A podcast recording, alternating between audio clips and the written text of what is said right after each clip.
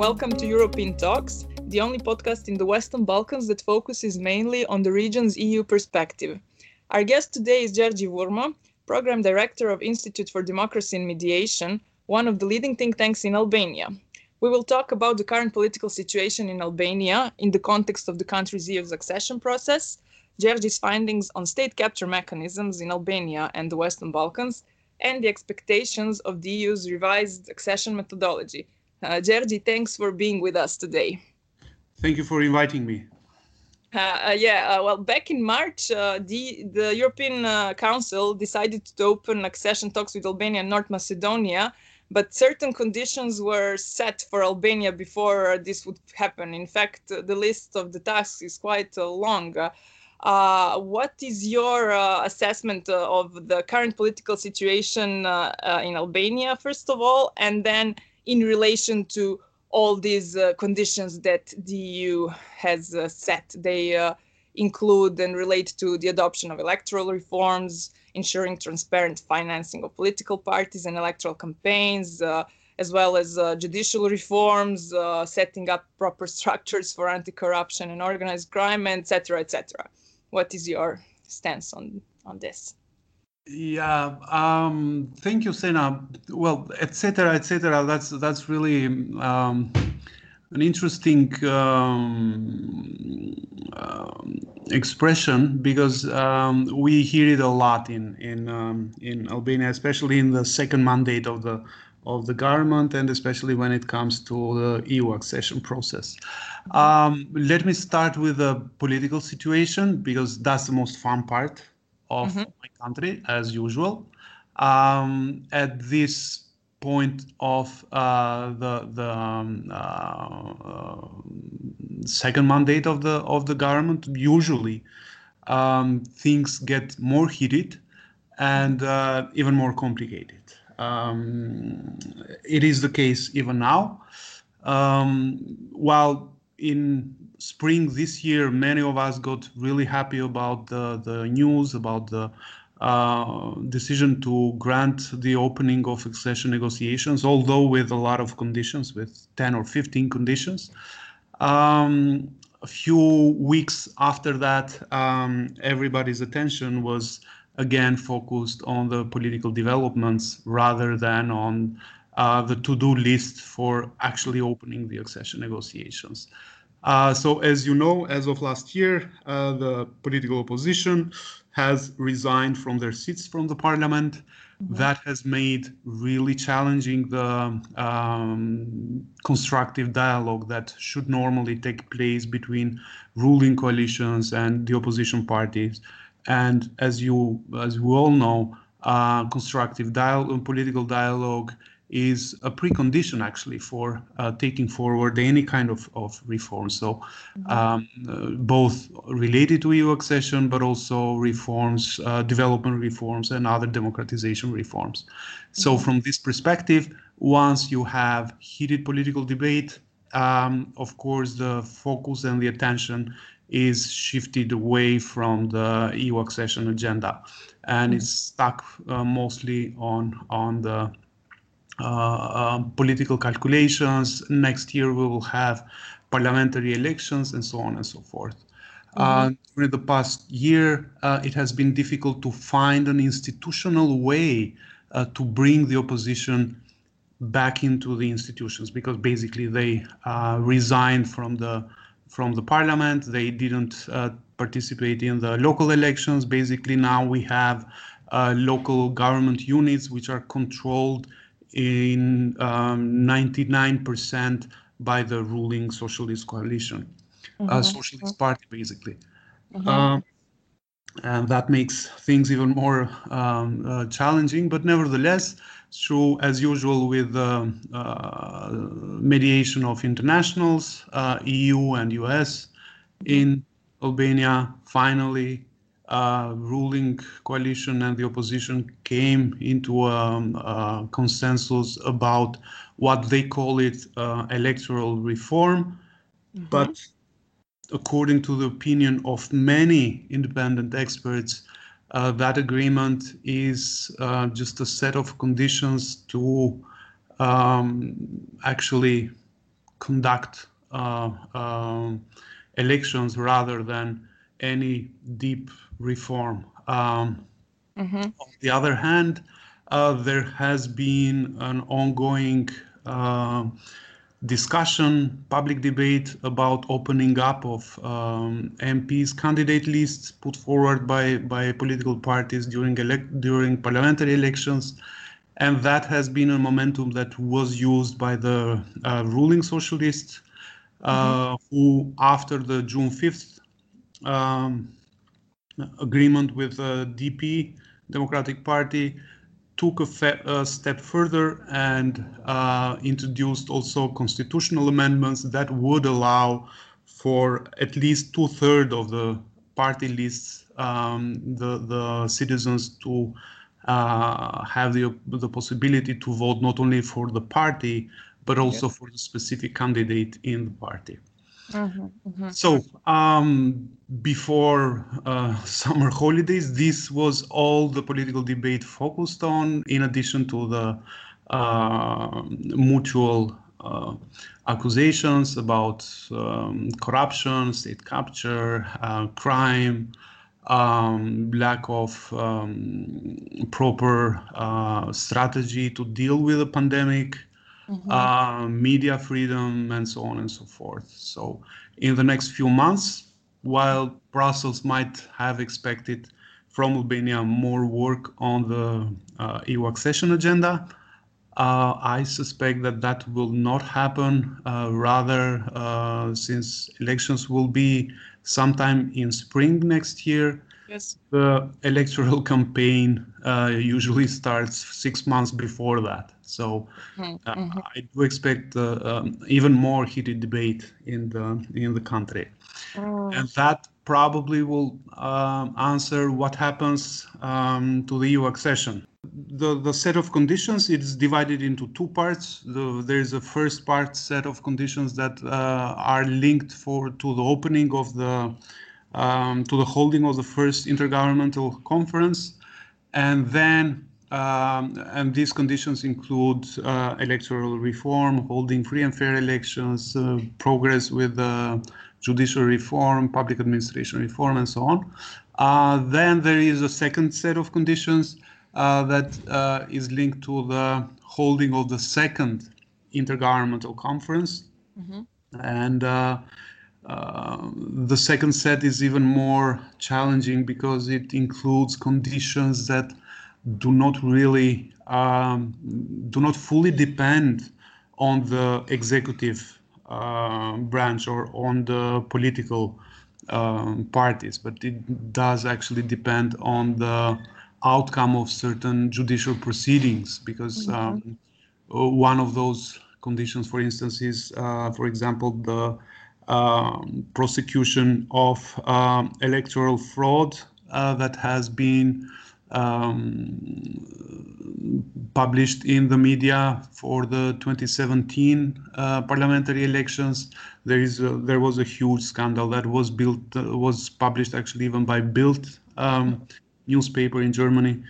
Um, then there is um, another condition is uh, the completion of uh, the Supreme Court and the Constitutional Court, which both courts are uh, currently inactive due to uh, lack of judges. Um, that uh, it's been a very difficult process because of the vetting process uh, that has been kicking out um, corrupt um, judges and prosecutors. So it is difficult to fill in uh, the, the new seats.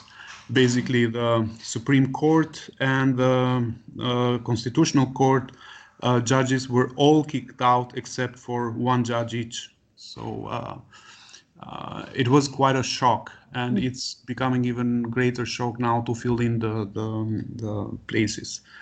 Uh, so this might take uh, longer, um, and it will definitely extend beyond the uh, general elections of the of the next year. Uh, mm-hmm. Many of us were hoping that the holding of the first intergovernmental conference would happen sometime this year, uh, but given the progress of addressing the first set of conditions, I really doubt that uh, that will happen. So we might uh, see again a reopening of this uh, dilemma of coupling or decoupling accession processes of uh, Albania and North Macedonia once again this autumn or winter. Um, well, I think that's uh, that's uh, practically happening uh, mm-hmm. because at least for North Macedonia there is no um, condition or there is no barrier there to, to hold the first intergovernmental conference or even the 2nd mm-hmm. uh, mm-hmm. yeah. and certainly no barrier that might be linked with uh, with Albania. I, I think um, the opening, the decision of this spring, uh, show a certain level of fairness towards both countries. Mm-hmm. But I think that from that point onward, um, Macedonia and Albania are in a way free to free to go. So basically, uh, each country's progress will depend on its own uh, on its own effort, and mm-hmm. it won't be linked with uh, uh lack of progress in the other country. Mm-hmm. Which was happening for the past two years. Basically, Albania was taking hostage uh, North Macedonia for two years. Mm-hmm, mm-hmm. Mm, yes, exactly.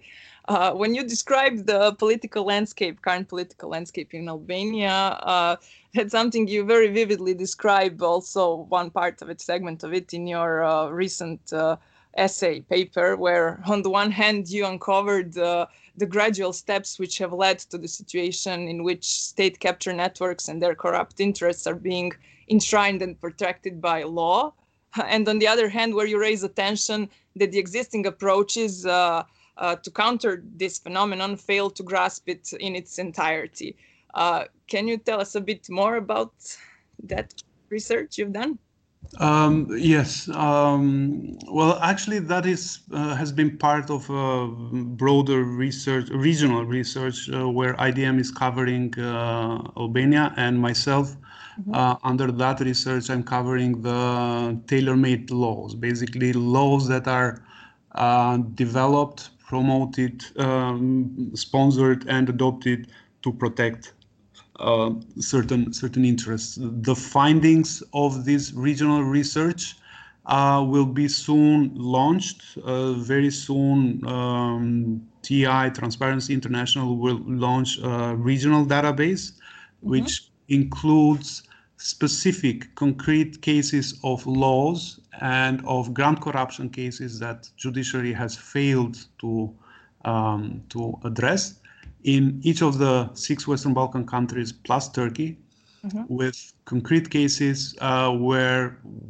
uh, there are clear signs of uh, state capture. And I think this will be one of the um, most important milestones in uh, the region's research on state capture. Mm-hmm. Uh, based on those um, data, I mean, there is a huge um, data set that we have developed for, for Albania. Um, I decided to write this piece more um, with the objective to focus on the mechanism. What was the uh, what was the mechanism behind that made possible uh, this new uh, phenomena? Uh, well, uh, maybe it's not so new because many people in Albania, but also in the region, have long uh, talked about such laws being adopted to protect certain uh, individual interests and certain uh, interests of, of um, illegitimate networks. Mm-hmm. Um, but uh, at least now, in a way, we have concrete proof and evidence of those um, of those um, procedures and uh, of those practices. Mm-hmm. Um, it is interesting to note uh, the evolution of the mechanism uh, over the past 25 or 30 years, um, it seems that the mechanism has evolved unbothered much by uh, uh, the efforts of our own countries, but mm-hmm. also of efforts of international supporting our reforming efforts to to address or to prevent them. So once we've been dealing uh, mostly with uh, petty corruption, those networks have moved a step further. Uh, once we started to think about grand corruption, uh, the same networks uh, had already reached a higher level, which is uh, ultimately the, the um, tailor-made laws. Um, the mechanism um, there will be there should be more research uh, and analysis about the mechanism not only in Albania but also in the other Western Balkan countries. Um, I believe there are common features um, from one country to another as much as uh, specificities linked mostly with the context of with the national context. Um, but um, in a nutshell, um, I would I would argue that uh, uh, the the these networks of illegitimate economic and political interests. Um, have followed uh, the same path uh, or the same pattern of evol- evolution. Uh, they moved um, towards uh, capturing the institutions, and when um, their moves were seriously threatening, then there they uh, started capturing basically the the lawmaking processes, basically the processes that uh, shape the rules. Uh, so they don't have to break the rules anymore, or they don't have to capture in institutions who would uh, tolerate them for breaking the rules. Uh, but now they shape their uh, the rules um, as they pleased. Mm-hmm. Um, finally, I argue that uh, the next step in in uh, in the strategy of these networks is after they have succeeded in uh, in in uh, uh, you know tailoring the laws according to their interest. The next step is to make the public support uh, their their you know these tailor-made laws, not openly but indirectly. And um, I think uh, that's what we are witnessing in uh, in Hungary, in Poland. Um, to a certain extent in Serbia. Um, well, uh, in some parts also in, in Albania, but also in some other countries. Mm-hmm. Uh, basically, people people um,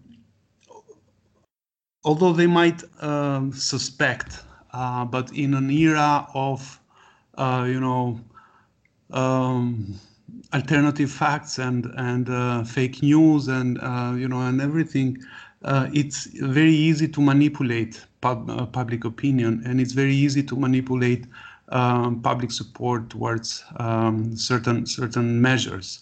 Although a certain measure is clearly uh, in breach of uh, democratic principles with the power of um, you know media manipulation you can turn that measure into uh, something that looks like um, serving to the national interests mm-hmm, mm-hmm. and i think that's uh, where this start, these um, uh, illegitimate networks are heading yes, yes. Um, already yeah and now that you uh, uh, managed, uh, let's say, to to cut their way, uh, what would be your suggestion uh, how to to counter this evolving uh, mechanism and society capture, even that you you you used as a notion?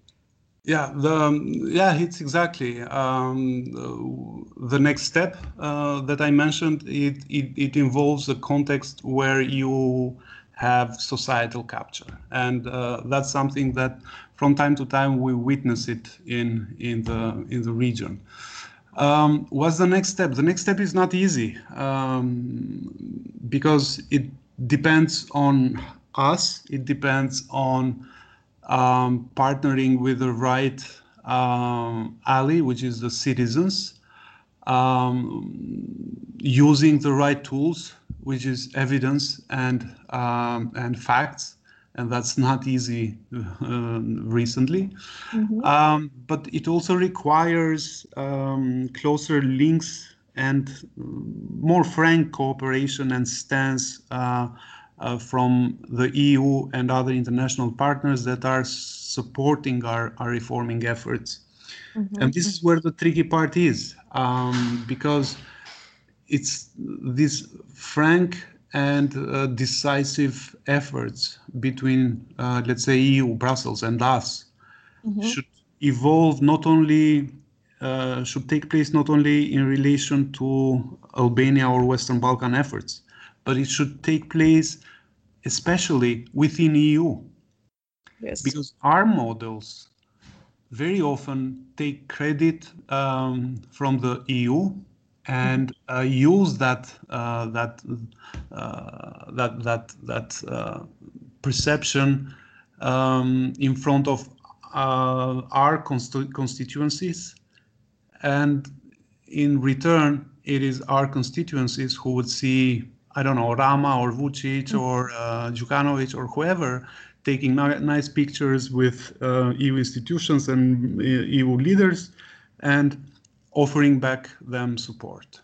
Mm-hmm. Now, uh, the models um, are not only observed in Poland uh, and Hungary with uh, Orban, or even Slovakia, even even Malta, um, but mm-hmm. um, also in other in other EU member states. And um, as long as EU fails to uh, take a strong position to say to stop such um, backsliding of democracy in mm-hmm. its own in its own uh, uh, house, uh, it will be very difficult um, for our citizens in the in the Western Balkans to start believing that the EU is serious about helping us. Mm-hmm, mm-hmm.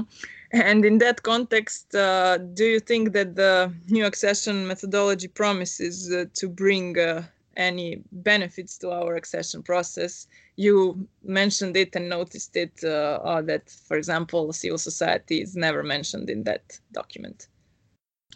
Um, yes, um, civil society was not mentioned in the in the first draft that the Commission, um, let's say, shared.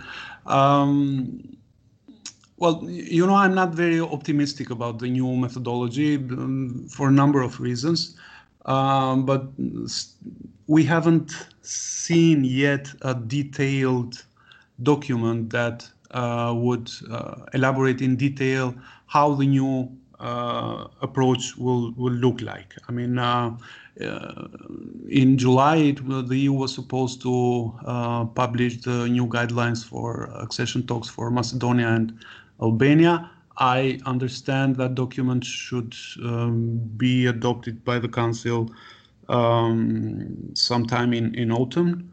Um, maybe uh, maybe then we will see uh, if uh, what are the substantial differences. Although, as compared to the to the previous approach, although I do suspect that there will be any uh, groundbreaking uh, novelties in the in the new in the new approach.